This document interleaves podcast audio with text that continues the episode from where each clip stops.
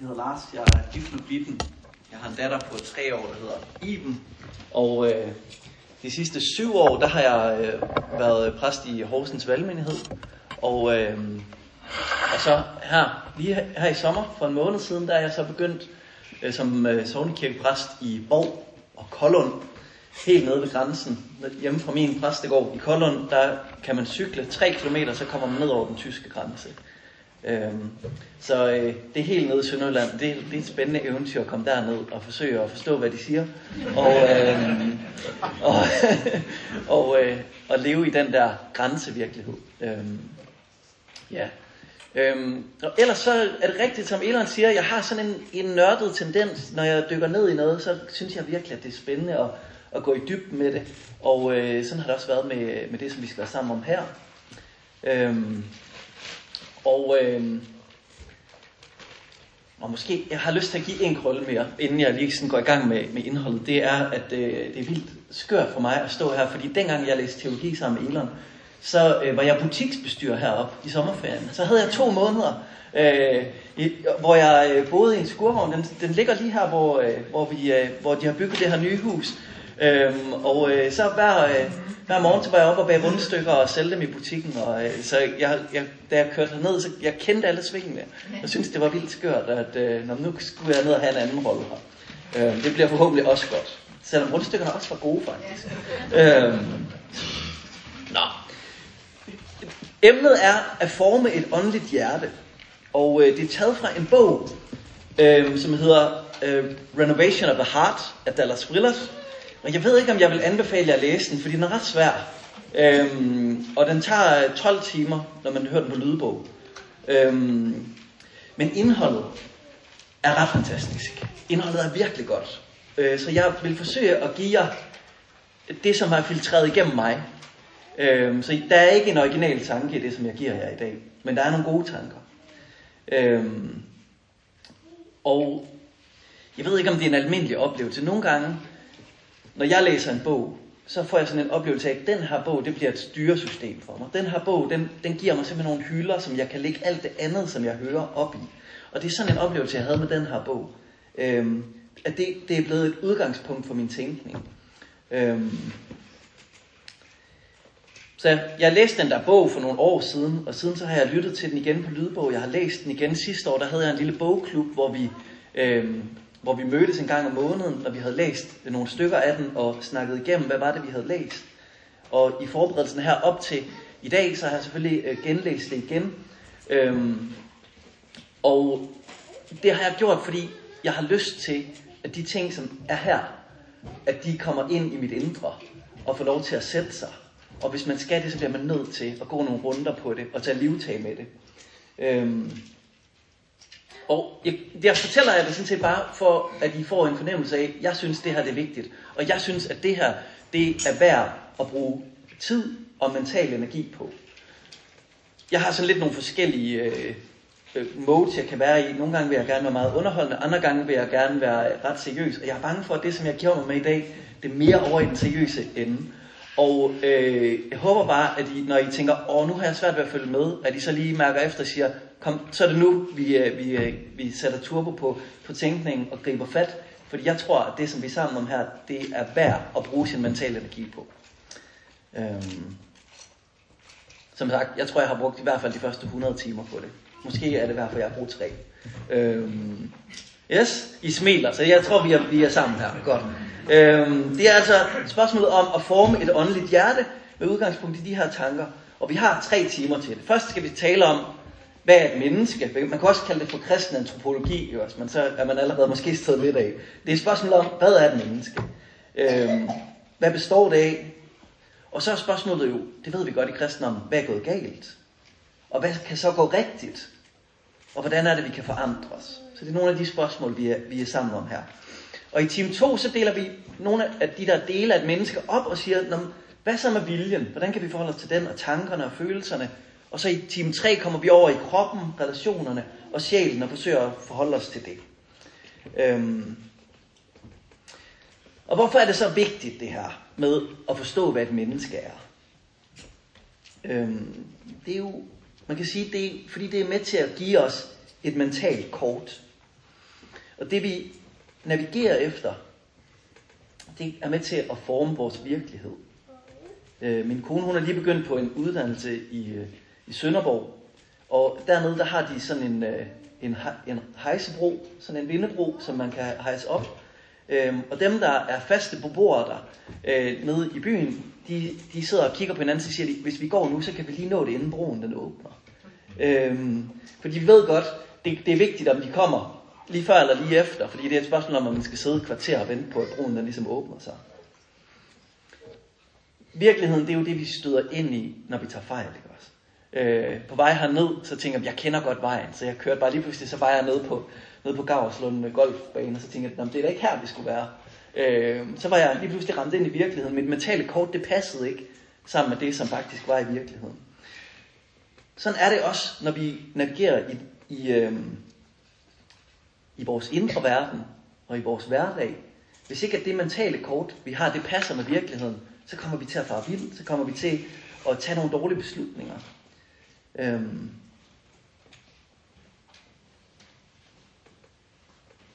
Ja, så, hvad, så hvordan kunne det så se ud? Øhm. Det kunne for eksempel være, øhm, hvis vi tror, at øh, vi bare er overgivet til vores skæbne. Der er ikke noget at gøre alligevel. Hvis det ligesom er vores mentale kort, så bliver vi måske apatiske. Hvis vi tænker, om kortene de er delt ud, der er ikke rigtig mere, vi kan gøre. Vi skal bare se, hvordan kabalen den går op. Så, så er det jo, at vi måske kommer til bare at ikke at overhale, når vi skal overhale, og vi ikke kommer til at tage de rigtige sving, når vi skal. Eller det kan også være, at vi har en lidt grundlæggende billede af, at vi er bare overladt til os selv i den her verden. Og hvis det er vores billede, så kommer vi måske til at arbejde lidt hårdere, end vi skal. Vi kaster os ind i forsøget på at ændre vores verden med rå kraft og hårdt slid. Og det ved vi jo også godt, når vi siger det højt, at det heller ikke fungerer. Så det er altså vigtigt, hvad for et mentalt kort vi har af verden. Fordi det er med til at ændre, hvordan vi er i den her verden, og om vi navigerer efter virkeligheden. Så spørgsmålet er, hvad er et menneske? Og et menneske har et hjerte, så hvordan er det, vi former et hjerte? Og vi er jo kristne, så hvordan er det, vi former det åndelige hjerte? Vi har alle sammen et hjerte. Og tanken er altså, at vi lever ud af vores hjerte. Tanken er, at vi lever indefra og ud som mennesker. Det, som former vores liv mere end noget andet, er, hvordan vores indre virkelighed den formes. For som vores indre er, så bliver vores ydre liv også. Det kan være, det er nogle nye tanker for nogle af os, så derfor så gentager jeg det lige. Den grundlæggende antagelse i dag, det er, at vi lever indefra og ud. At som vores indre er, sådan bliver vores ydre også. Og der er et væld af steder i Bibelen, hvor Jesus han peger på den her virkelighed. Det er jo for eksempel, når han afslører farisæerne i, at de er optaget af deres ydre. Så siger han, hov, I er optaget af jeres ydre, men hvad med hjertet? Det er, når han ser enkens intention i at give sine to kov og mønter ved tempelklokken. Det er, når han siger, at hvad hjertet er fuld af, løber munden over med. Det er, når han underviser i bøn og fremhæver, at det, der sker i lønkammeret, det er vigtigt. Og han siger det samme om at faste, og han siger det samme om at give almisse. Det, som sker i det skjulte, er vigtigt. Når han taler med kvinden ved brønden, eller kvinden, der er grebet i hår, så er han tydeligvis meget mere optaget af deres indre end deres ydre. Man kan sige, man kender et træ på frugterne. Det indre kommer før det ydre. Jesus han er altid optaget af hjertet. Så Jesus er optaget af hjertet, når han underviser. Og vi har jo alle sammen et hjerte. Vi har et indre, vi har en ånd.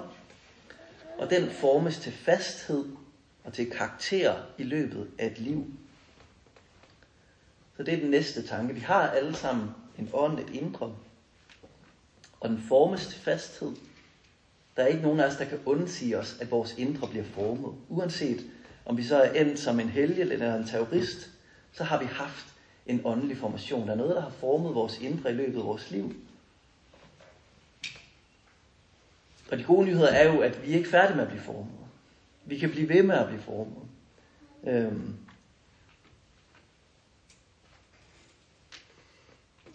Ja. Så du er et menneske, Et menneske har en ånd. Din ånd er formet af dit liv og din valg. Alle har en ånd, der kan tage en form. Ånden i dig er med til at afgøre, hvordan du lever. Du lever indefra ud, så at sige. Når Putin han i de her år de tager de beslutninger, som han gør, så gør han det ud fra den ånd, som er hans. Hans ånd og hans karakter er blevet formet over tid til at kunne tage de beslutninger, som han gør lige nu. Og modsat vil jeg sige, når Pave Frans, som jeg elsker højt, han tager de valg, som han gør, øhm, så er det også fordi han over tid er blevet formet. Så allerede lang tid inden paven han var blevet pave, øhm, der var han optaget af at være noget for de fattige. Der er sådan en lille beretning fra hans liv, øh, om at da han var ærkebiskop i Buenos Aires, Aires hvordan siger man det? Ja, præcis. Øh, så afviste han at, øh, at flytte ind i sådan en ekstravagant ærkebiskopbolig, og blev i stedet for boende, hvor han allerede boede. Han afviste at køre rundt i, øh, at køre rundt i flotte biler, og tog i stedet for offentlig transport. Og så var der en gang, hvor han var ude i slummen og besøgte de fattigste. Og der var der en, der oplevede sig fuldstændig set. Fordi ærkebiskoppen, han havde siddet bag os i den samme bus, som hun havde været i, dengang at de kørte hen til det sted, hvor han skulle tale. Og det er jo en lille ting, at han tog offentlig transport, men det siger jo noget om hans syn på lederskab. Og det handlede jo ikke om noget særligt stort, men det handlede jo om, at han gerne ville være tjener.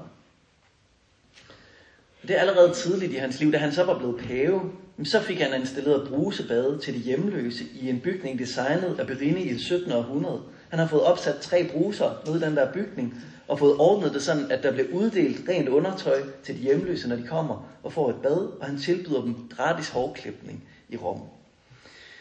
Jeg har set flere billeder af paven, hvor der kommer fuldstændig vandsirede mennesker hen til paven, og så kysser han dem bare lige der, hvor de ser allermest vandsirede ud. Og jeg har set ham besøge et safe house for eksprostituerede, hvor han bad om tilgivelse på vegne af alle kristne, der havde benyttet sig af de her prostituerede, og han bad om tilgivelse for sig selv, for ikke at bede nok for dem. Jeg ved ikke med jer, men når jeg hører sådan noget om paven, så gør det indtryk på mig. Og jeg tænker, den karakter, den er værd at ligne. Han er ikke for fin til at tage offentlig transport. Han er ikke for fin til at kysse de vandsirede. Han er ikke for fin til at tage sig af de fattigste. Han er ikke for fin til at bede om tilgivelse. Og han er ikke for fin til at bede om tilgivelse for, at han ikke har bedt nok for dem, som er i slaveri. Alle mennesker har en ånd, og det er vigtigt for vores liv, hvordan den formes.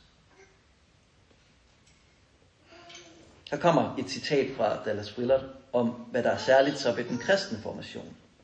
Åndelig formation fra den kristne refererer grundlæggende til den åndsledte proces, som former menneskets indre verden på en sådan måde, at den bliver ligesom Kristi eget indre væsen.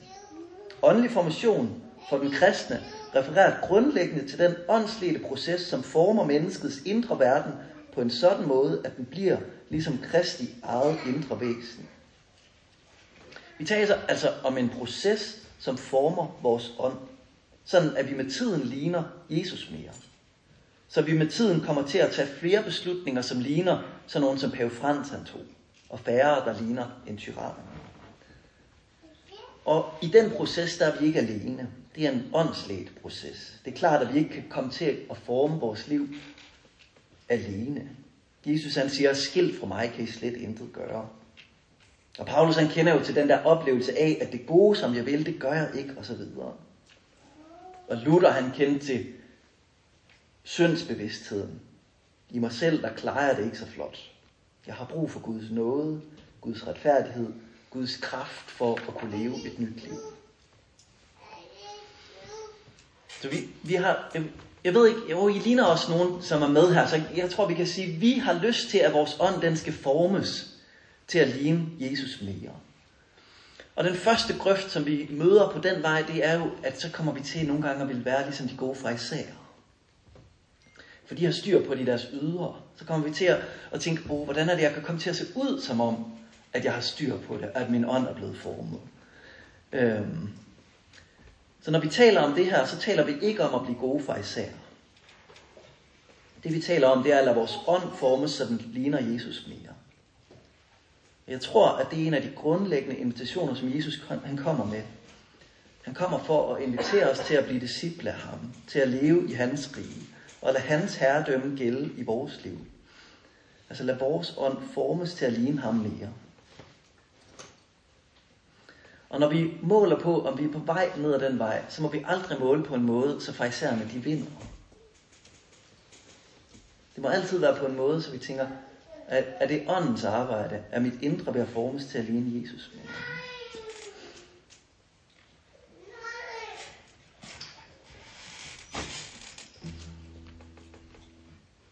Og det som også er vigtigt her, det er, at øh, den her proces, den sker ikke af sig selv. Så det første er ligesom, at det er en åndslig proces, men det andet er jo ligesom, at der er en invitation her til, at vi kommer med i den proces. Fordi det sker ikke af sig selv. Jesus han inviterer ind i et nyt liv, men vi skal tage imod det. Og ikke bare i begyndelsen, i dåben, men vi skal blive ved med at tage imod hans invitation. Og det, som Dallas Briller er blevet kendt for at sige i den her sammenhæng, det er, at Gud han er ikke imod effort, han er imod øgning. Altså hvis vi skal prøve at oversætte det, så er det, at Gud han er ikke imod, at vi gør en indsats, men han har, han har noget imod fortjeneste. Altså Gud han inviterer os til at gøre noget, men aldrig til at skulle kæmpe for, ligesom at være gode nok. Så åndelig formation er jo en gave, men den er ikke automatisk. Det sker som en tilskyndelse af ånden, som vi må handle på. Så Gud han inviterer os til at træde ind i livet i Guds rige, og det er jo et liv i handling, hvor vi inviteres til at deltage. Ikke for at få point hos Gud, eller manipulere ham til at give os sin anerkendelse, når han inviterer os til at tage den plads, som han har tænkt i sit nådesfulde og glædesfulde skaberværk, at vi skulle have. Han har en kærlighedsgennemsyret ønske for verdenshistorien. Og den åndelige formation, hvor vi formes til at ligne ham mere, det er en gave, som gør, at deltagelsen i hans liv er muligt for os. Så målet er altså ikke ydre former. Det handler ikke om at få nogle gode andagtsvaner, som man kan fortælle om. Øhm, det handler ikke om, at vi kommer til at se ud som helgener. Forhåbentlig kommer vi til at se ud som helgener mere og mere, men det er ikke det, der er målet i sig selv. Målet er, at vores indre formes, så det ligner Jesus mere, og dermed gennemsyrer vores liv, så hele vores liv kommer til at ligne ham mere. Og nu skal vi have fat i Bibelen. Øhm, hvor mange af jer har en Bibel med? Prøv lige at give mig en håndsoprækning på det. Ej, hvor cool. Øh, jeg vil bare sige, at de kirker, hvor jeg har været præst, der vil det ikke have været tilfældet, der er så mange. Hvis der er nogen af jer, der tænker, åh, jeg vil skulle da have haft min Bibel med, så kan man jo lige tage sin telefon frem. Øh, Bibelen.nu eller bibelselskabet.dk, der kan man øh, sagtens slå op i Bibelen øh, og øh, være med der. Vi skal finde øh, Lukas evangeliet kapitel 10. Og jeg vil bare sige, at jeg havde glemt min bibel i dag, så Elon han har været øh, venlig nok til at låne mig sin bibel her. Øhm, det var lidt pinligt, vil jeg godt indrømme. Øhm, og Lukas evangeliet kapitel 10, øh, vers 25.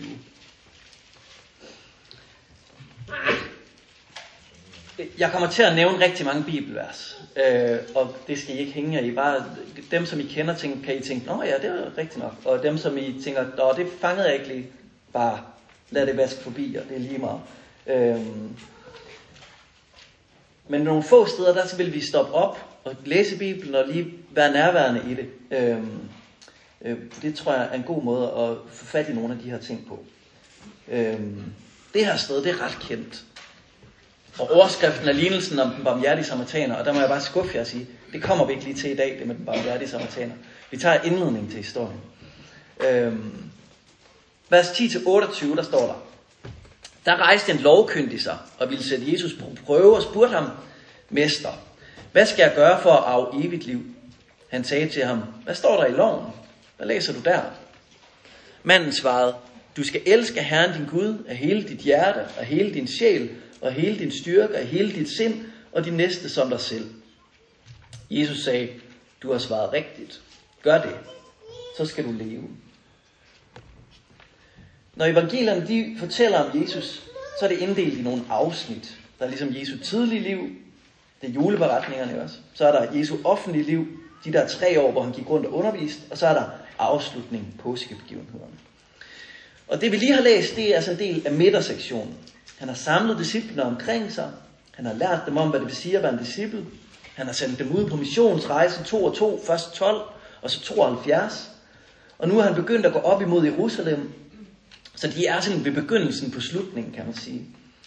Og Jesus han bliver ved med at undervise dem om livet i Guds rige. Og han underviser forskellige grupper. Nogle gange så samtaler han med de åndelige ledere. Nogle gange altså med farisæerne eller de skriftlåge. Nogle gange er det bare med disciplene, han har samlet sig om sig. Og nogle gange er det enkelte mennesker, som hans venner eller fremmede, der kommer forbi. Og det vi lige læser her i Lukas evangeliet kapitel 10, det er en samtale med en lovkyndig. Altså et åndeligt forbillede. Det vil svare til, at han øh, snakkede med Svend Brinkmann, eller Oprah, eller øh, øh, overrabineren, eller en af biskopperne. Øh, altså en, som ligesom, man siger, at når, der vil være nogen, der ligesom tænker, det der, det er et åndeligt overhoved. Og det tema, som er tydeligt i de her kapitler i Lukas evangeliet, det er, at det handler om oplæring i discipleskabet. Altså, hvordan er det, man lærer hos Jesus at leve som disciple? Hvordan er det, man bliver mere som ham? Og i kapitel 9, lige inden, der taler han om efterfølgelse. Og lige efter vi har læst det her, der kan vi lige se, at han underviser dem om fadervor og bøn og mange andre ting, som ligesom er en del af det at være disciple. Og jeg nævner det her, fordi at det er nemt for os at forstå, at når vi læser fadervor, så tænker vi, at det handler jo også om os. Den der bøn, den har vi ligesom fået. Det, det er en del af det, som vi skal. Øh, når vi hører om efterfølgelse, så tænker vi, at det handler måske nok også om os. Ja, så, og det som, vi, det, som han underviser i lige her, det handler også om os. Og, øh, og vores udfordring i, sådan, i den her øh, lutherske kristendom, det er jo, at vi nogle gange forsøger måske at holde tingene lidt abstrakt, lidt på afstand, mest i tankerne. Men jeg tror altså, at det, som Jesus han siger her, det er noget, som vi skal gøre. Jeg tror, han, han fortæller os det, fordi at det kan hjælpe os med at leve liv. Øhm, så han er ved at undervise i discipleskab. Det er det, som hele det, der, det her afsnit af Bibelen, det handler om. Nu kommer der en mand og spørger ham om noget. Hvordan er det, jeg kan få evigt liv? Øhm, og øhm, så svarer han på det, for at vi skal lære af det. Så hvordan er det, man får det? Og det, som kendetegner Jesus, det er jo, han svarer jo altid dybere, end der bliver spurgt. Ikke? Så manden, han spørger ligesom på et niveau, og Jesus han, han kommer lige med noget, som, han bruger det som en anledning til at sige noget, som er vigtigt. Ikke også? Men måske er det bare lige at overveje, inden jeg siger, hvad det er, han har, siger, siger her, så er det måske bare at overveje, hvad det er, han ikke siger. Han siger ikke, hvis du gør dig umage med at elske, så får du det evige liv. Han siger ikke, hvis du, øh, hvis, hvis du fra især bare gør dig umage, så skal det nok gå. Men han siger noget andet det hænger sammen med noget, som han siger nogle andre steder. I Johannes evangeliet kapitel 10, der siger han, jeg er kommet for, at I må have liv og have det i overflod. Eller som det lyder i de engelske oversættelser, jeg er kommet, that you may have life and have it to the full. Det fulde liv.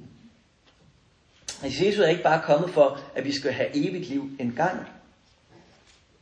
Øh, det er helt klart noget, som Jesus han kommer med det, der handler om at bryde dødens magt og sætte os fri fra dødens længere. Men han, han kan altså også beskrive det, sit livs mål som noget andet. At vi må have liv og have det i overflod. Eller som det står senere i Johannes evangeliet. Det der er det evige liv, at de kender dig, den eneste sande Gud, og ham du har udsendt, Jesus Kristus. Så når Jesus han skal definere det evige liv, så handler det ikke først og fremmest om noget, der sker en gang, så handler det først og fremmest om at kende Gud og kende Jesus. Det handler altså om tilknytning og fællesskab. Så man kan måske sige, at det evige liv for ham er noget kvalitativt mere end noget kvantitativt. Måske. Ja, det er jeg lidt i tvivl om, om jeg er enig i det, jeg lige sagde der. Øhm, I hvert fald, så er der noget her, som rykker lidt ved det, som vi måske lige først hører, når vi hører ham her spørge om, Hvordan er det, jeg får evigt liv? Det er det, han kommer og spørger om. Hvordan får jeg evigt liv? Og Jesus han svarer, men han svarer ud fra den her forståelse af, hvad han ser som det evige liv. Nemlig, at det først og fremmest handler om at kende Gud. At det først og fremmest er noget med at tage imod det liv, som han rækker frem, det liv, som er liv i overflod, det som er den evige form for liv. Og nu piller vi måske ved noget af det grundlæggende budskab i kristendommen. For er det grundlæggende budskab ikke tilgivelse for vores synder, for enhver som tror? Jo, det er det grundlæggende budskab, men det er jo ikke det eneste, som Jesus han siger. Det siger han også. Jeg er kommet for at give mit liv som løsesum for mange. Det er en vigtig del af det, som Jesus han kommer med. Jesus han er kommet for, at enhver, som tror på ham, skal have evigt liv. Men hvis vi gør det til det eneste, som som han siger, så misser vi en god del af det, som Jesus han også siger. For han siger også, at når du er trådt ind i den relation med ham, hvor du regner med ham for din løsesum, så er der en invitation til at leve i den nye virkelighed, han har købt til dig. Og hvis du begynder at leve i det, så bliver tilgivelse en selvfølgelig del af det. For du ser igen og igen, at du har brug for den. Men du vil også opleve, at målet ikke er tilgivelse, men målet er livet i Gud. Og det er jo også derfor, Jesus han slutter bjergprædiken med ordene. En hver, der hører disse ord og handler på dem, ligner en klog mand, der har bygget sit hus på klippen. Der er altså en invitation til at lytte, og så omsætte det, vi har hørt. Så når Jesus han taler med en lovkyndig om at arve evigt liv, og Jesus han skyder den tilbage til ham og siger, hvad siger det gamle testamente om det, du spørger om der? Så svarer manden med det dobbelte kærlighedsbud, budet om at elske. Du skal elske Herren din Gud af hele dit hjerte, af hele din sjæl, af hele din styrke, af hele dit sind og din næste som dig selv. Og Jesus han siger, ja, gør det, så skal du leve. Kan I se, det hænger sammen med hans forståelse af det evige liv. Gør det, så skal du leve i det evige livs lys. Og hvad gør vi så med vores utilstrækkelighed? For hvis vi skal være ærlige, så ved vi jo godt, det kan vi jo ikke. Jesus han spørger os jo om noget, vi ikke kan her. Og så er vi tilbage til tanken om åndelig dannelse. Vi har brug for Guds hjælp her. For vi kan ikke selv. Vi har brug for Guds hjælp til at forme os. Vi har brug for hans hjælp, så vi bevæger os i den retning, hvor, hvor det bliver mere sandt om os, at vi elsker Gud med hele vores væsen, og de mennesker, som er omkring os. Og det kan vi ikke selv, men der er ikke noget, der er umuligt for Gud, og Gud han kan skabe det i os. Og som sagt, så tror jeg, at Jesus han mener det. Han giver sig tid til at nævne de, en række forskellige ting, som vi kan elske Gud med. Fordi vi skal elske Gud med dem. Jeg tror på, at det her det kan leves. Og hvis vi ser lidt nærmere på de ting, som han nævner her, så er det faktisk en ret fuld beskrivelse af, hvad et menneske er. Han nævner hjertet, sjælen, styrken, sindet og de næste. Og det er det, vi skal bruge et par timer på her. Det er at se nærmere på, hvad er det egentlig, han taler om her. Hvad er de enkelte dele? Hvordan formes de, så vi kan komme til med vores væsen og ligne Kristus mere? Eller som han siger her, så vi har en karakter, der elsker Gud og vores næste.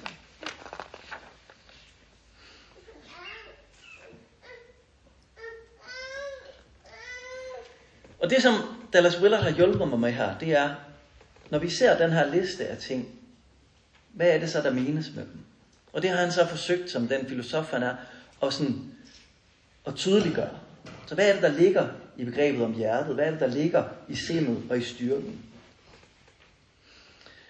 Og her er så mit øh, cirkeldiagram, øh, som jeg har taget med fra, fra bogen. Og for nogle af jer vil det være lidt for skematisk, men det er altså en god måde at begynde at tænke over det på. Så hvis I tænker, det der er jeg bare fuldstændig uenig med, så er vi stadigvæk kommet et godt sted hen, fordi så er vi, er vi begyndt at tænke over, hvad er det egentlig, jeg tænker, og er det menneske er. Øhm, I kernen, jeg skriver ånd her. I kernen af et menneske er ånden. Ånden kan vi forstå som synonym med viljen, eller det bibelske udtryk for hjerte. Altså så hjerte og vilje og ånd kan vi se lidt som, som synonymer. Øhm. Ånd kan i sådan en bibelsk sammenhæng beskrives som ikke kropslig, personlig kraft. Og vi beskriver det som hjertet, når vi tænker på kernen i et menneske. Vi beskriver det som ånden, når vi tænker på, at det ikke er kropsligt. Og vi beskriver det som viljen, når vi tænker på den der mulighed for at tage beslutninger. Nu siger jeg lige tingene hurtigt her, ikke? så vi, vi kommer til at, at, at, at bruge længere tid på det senere. Øhm, det næste skridt er sindet. Øhm. Så i kernen har vi ånden, og så har vi sindet, som vi kan dele op i tanker og følelser. Tanker og følelser, de eksisterer sammen i os, og de udgør til sammen sindet. Med tankerne, der kan vi bringe mange forskellige ting op i vores bevidsthed, både opfattelser, fantasier og tanker for sig selv. Vi kan følge dem, vi kan undersøge dem, vi kan forholde dem til andre tanker. Og tanker gør os i stand til at nå langt ud over vores fysiske krop, både i fortiden og nutiden og fremtiden. Følelser, de kan være behagelige eller smertefulde, de kan være tiltrækkende eller frastødende, vi kan bare tænke på vores forhold til mad, eller mennesker, eller materialer, eller hundrede andre ting. Og så mærker vi straks, at vi er tiltrækket af is i sommervarmen, og afskyr lyden af en gaffel hen over en tallerken, eller hvad det nu er. En del af sindet er vores følelser, og følelser og tanker opleves samtidig for det meste. Hvis ikke altid, så vil der være en følelse samtidig med tanken, når vi tænker på noget. Så vi har ånden og sindet,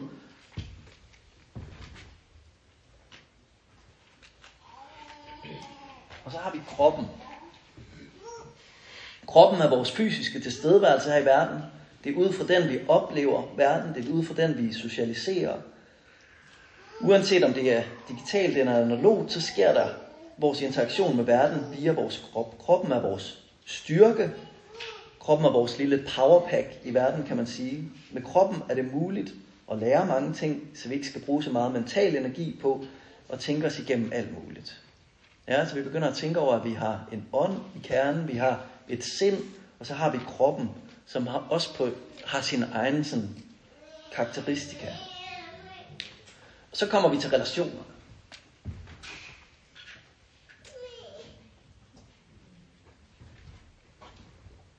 Ud fra vores krop, krop kan vi danne relationer med andre.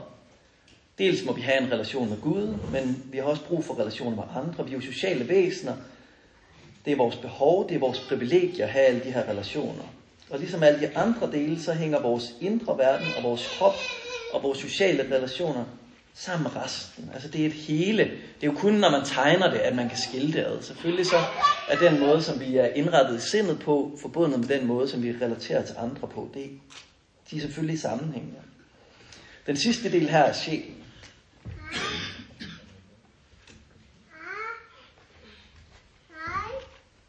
Hej. Øhm, den, den sidste del af os, det er sjælen. Det er den, der forbinder os til et helt liv.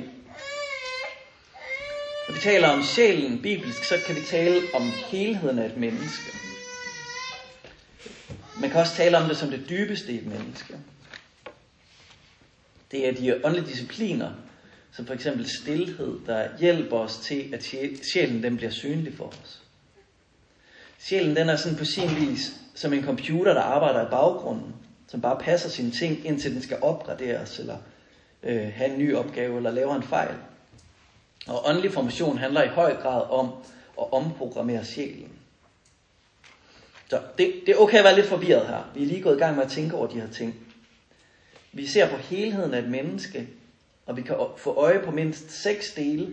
Viljen, tankerne, følelserne, kroppen, relationerne og sjælen. Og det som Jesus han siger i Lukas evangeliet kapitel 10, det er, at mennesket må leve på en måde, så det med hele sit liv, med alle seks dele, elsker Gud.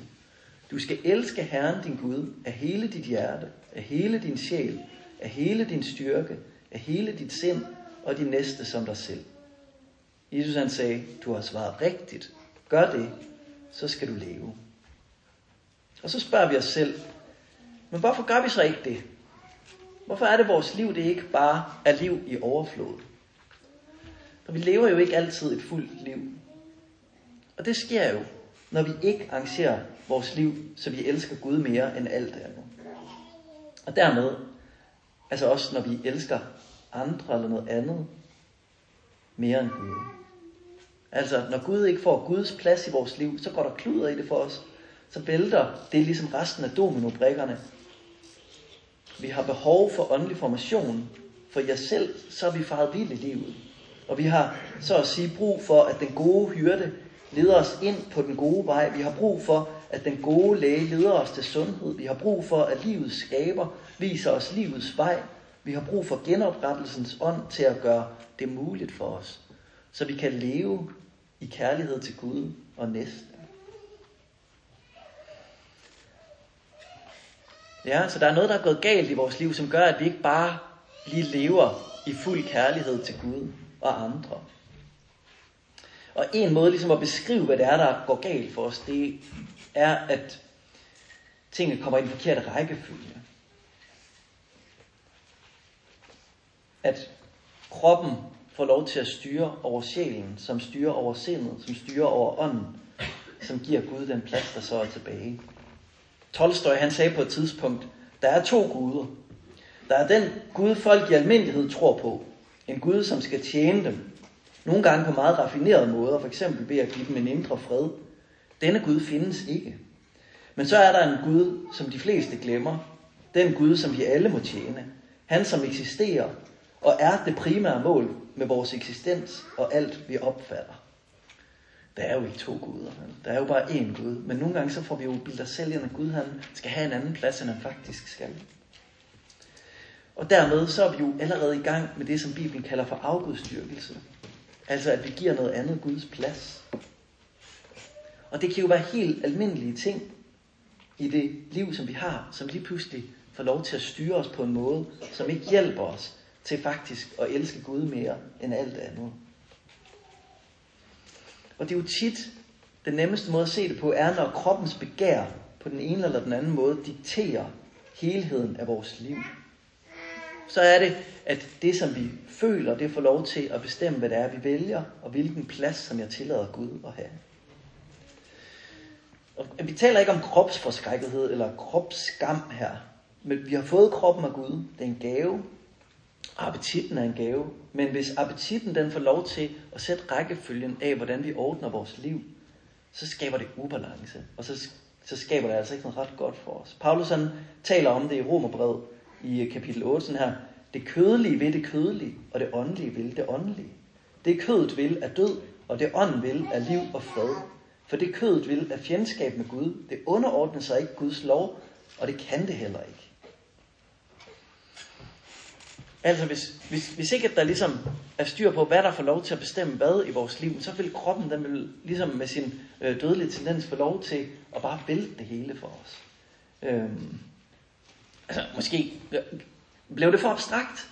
Måske mest, øh, det er måske den nemmeste måde at tænke over det på, det er, øh, hvis, hvis man for eksempel øh, godt kan lide en øl, og det bliver til hver dag, og det bliver til morgen og aften, og det bliver til hele, øh, hele ens eksistens, at øh, alkoholen den får lov til at, at fylde noget.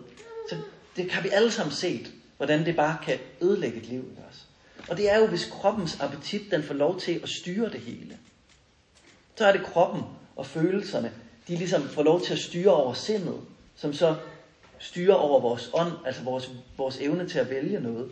Og til sidst så får Gud en meget lille plads. Det er jo ekstremt, ikke også? Men vi kender jo alle sammen godt den der tendens, hvor at vores appetit den får lov til at løbe amok med os. Modsat, så er der et liv under Guds dominans, hvor rækkefølgen er omvendt.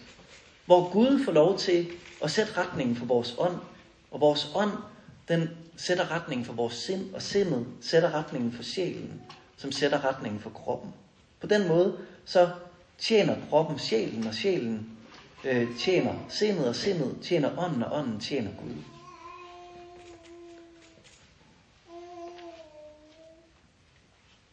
Og hvis ikke livet er ordnet på den måde, så får vi nok aldrig et fuldstændigt liv på den her jord. Så er det, at vi ikke kan elske Gud, som vi skal, og vores næste, som vi skal.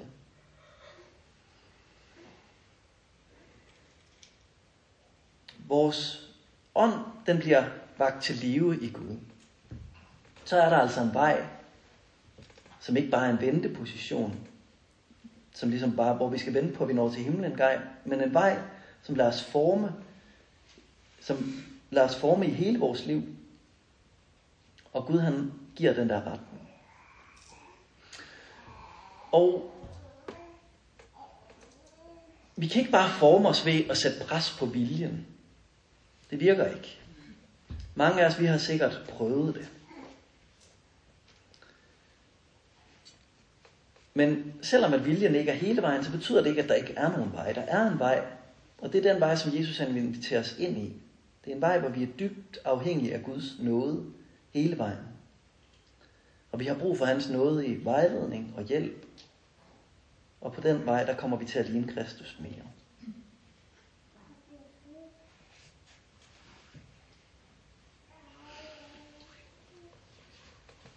Nå, jeg skal lige se. Jeg tror, jeg synes, jeg har sagt nok om det her. Øhm.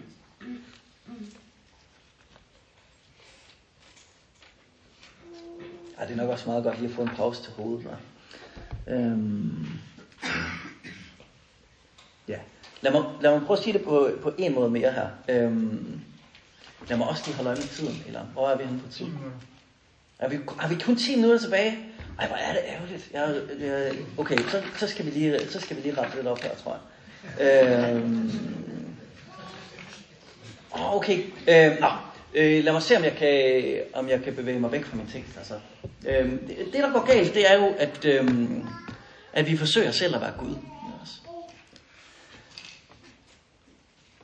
I Anonyme Alkoholikere, der, øh, der har de ligesom knækket den der kode, og øh, Philip Janse, han skrev på, på et tidspunkt en artikel i Christianity Today, hvor han sagde, øh, hvor han beskrev historien om øh, anonyme alkoholikere. Og historikeren, der skrev bogen om AA, han kaldte bogen for ikke-Gud. Fordi, sagde han, det står som den vigtigste forhindring for en afhængig person, at anerkende dybt i sin sjæl ikke at være Gud.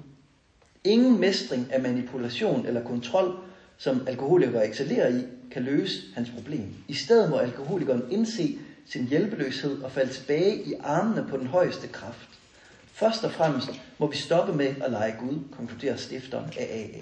Og så lad Gud være Gud i den afhængiges liv, som involverer hverdagen og endda øjeblik til øjeblik overgivelse. Og her taler vi jo så om alkoholikere, men vi kender jo alle sammen den der tendens i os, øh, at der er noget, der, der kan spise os. Øh, og derfor så har vi jo alle sammen brug for at lære, at vi ikke er Gud. Og øhm, vejen derhen, det er jo ligesom at anerkende, at vi er fortabte eller faret vild i vores liv. Jesus han siger jo i Lukas evangeliet, kapitel 19, jeg er kommet for at opsøge og frelse den fortabte. Og det fortabte der, det kan sådan set også betyde faret vild. Altså den, som er kommet på afveje. Og, og den, som er faret vild, har jo ikke ligesom sin plads i livet. Og når man ikke har sin plads i livet, så kan man faktisk heller ikke bruges til det, som man skal. Vi kender jo alle sammen det der med, at nøglerne de ligger et sted, hvor vi ikke lige har lagt dem. Ikke også? Og så kan vi altså ikke bruge nøglerne. De bliver nødt til at være på deres plads, for at vi kan bruge dem. Og Jesus han siger, jeg er kommet for at frelse, opsøge og frelse det, som ikke er på sin plads.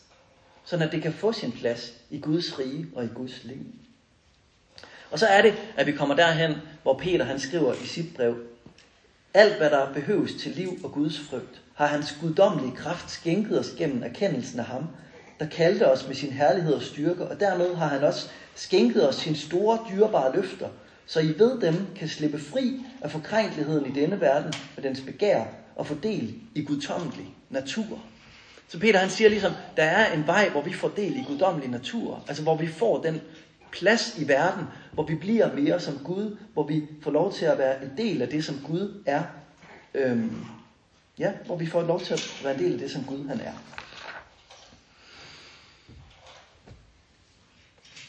Så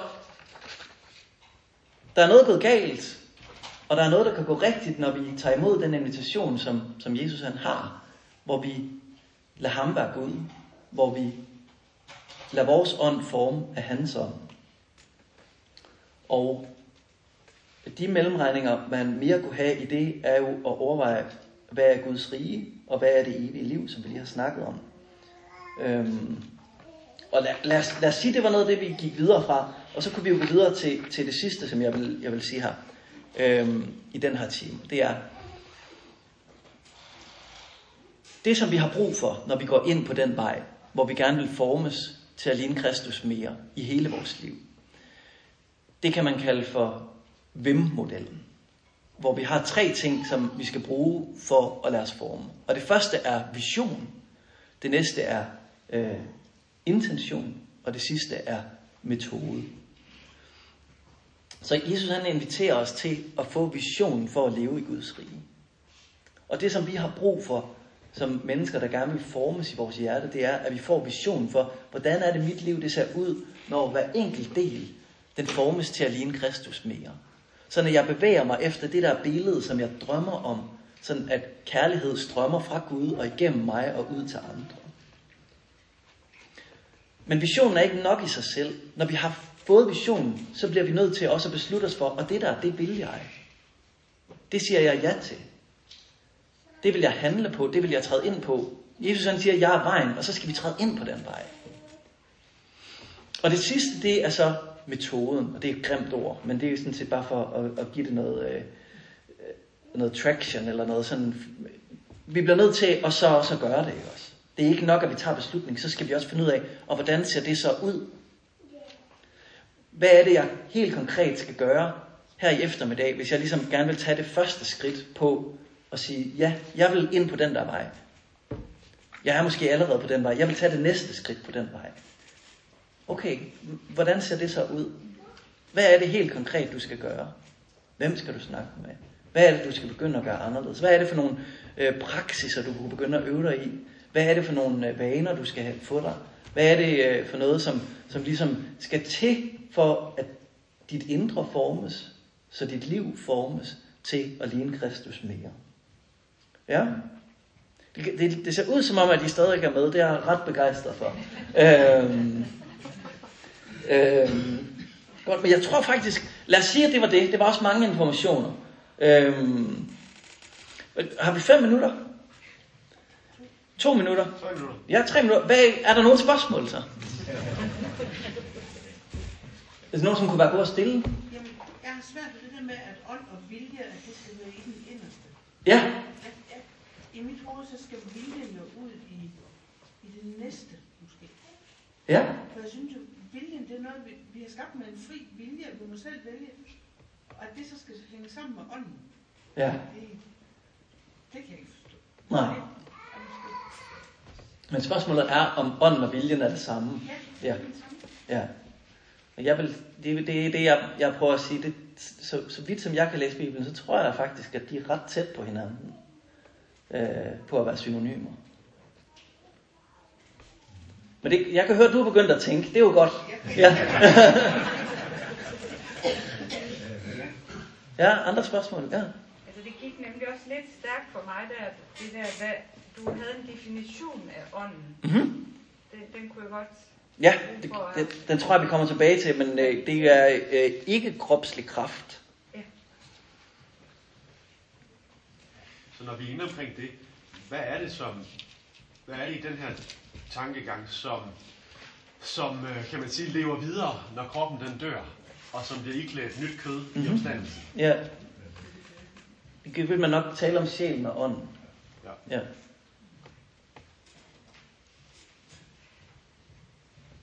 Al- Altså tænker du, at det her er et billede for det kristne menneske, eller det er for alle gudskabninger?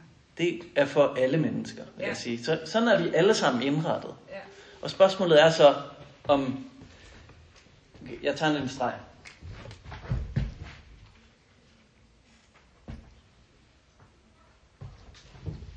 Spørgsmålet er, om Guds ord kommer ind i vores ånd, og at der så fødes et nyt liv, som vokser ud af det. Øhm, ja. Og det er der forskellen er.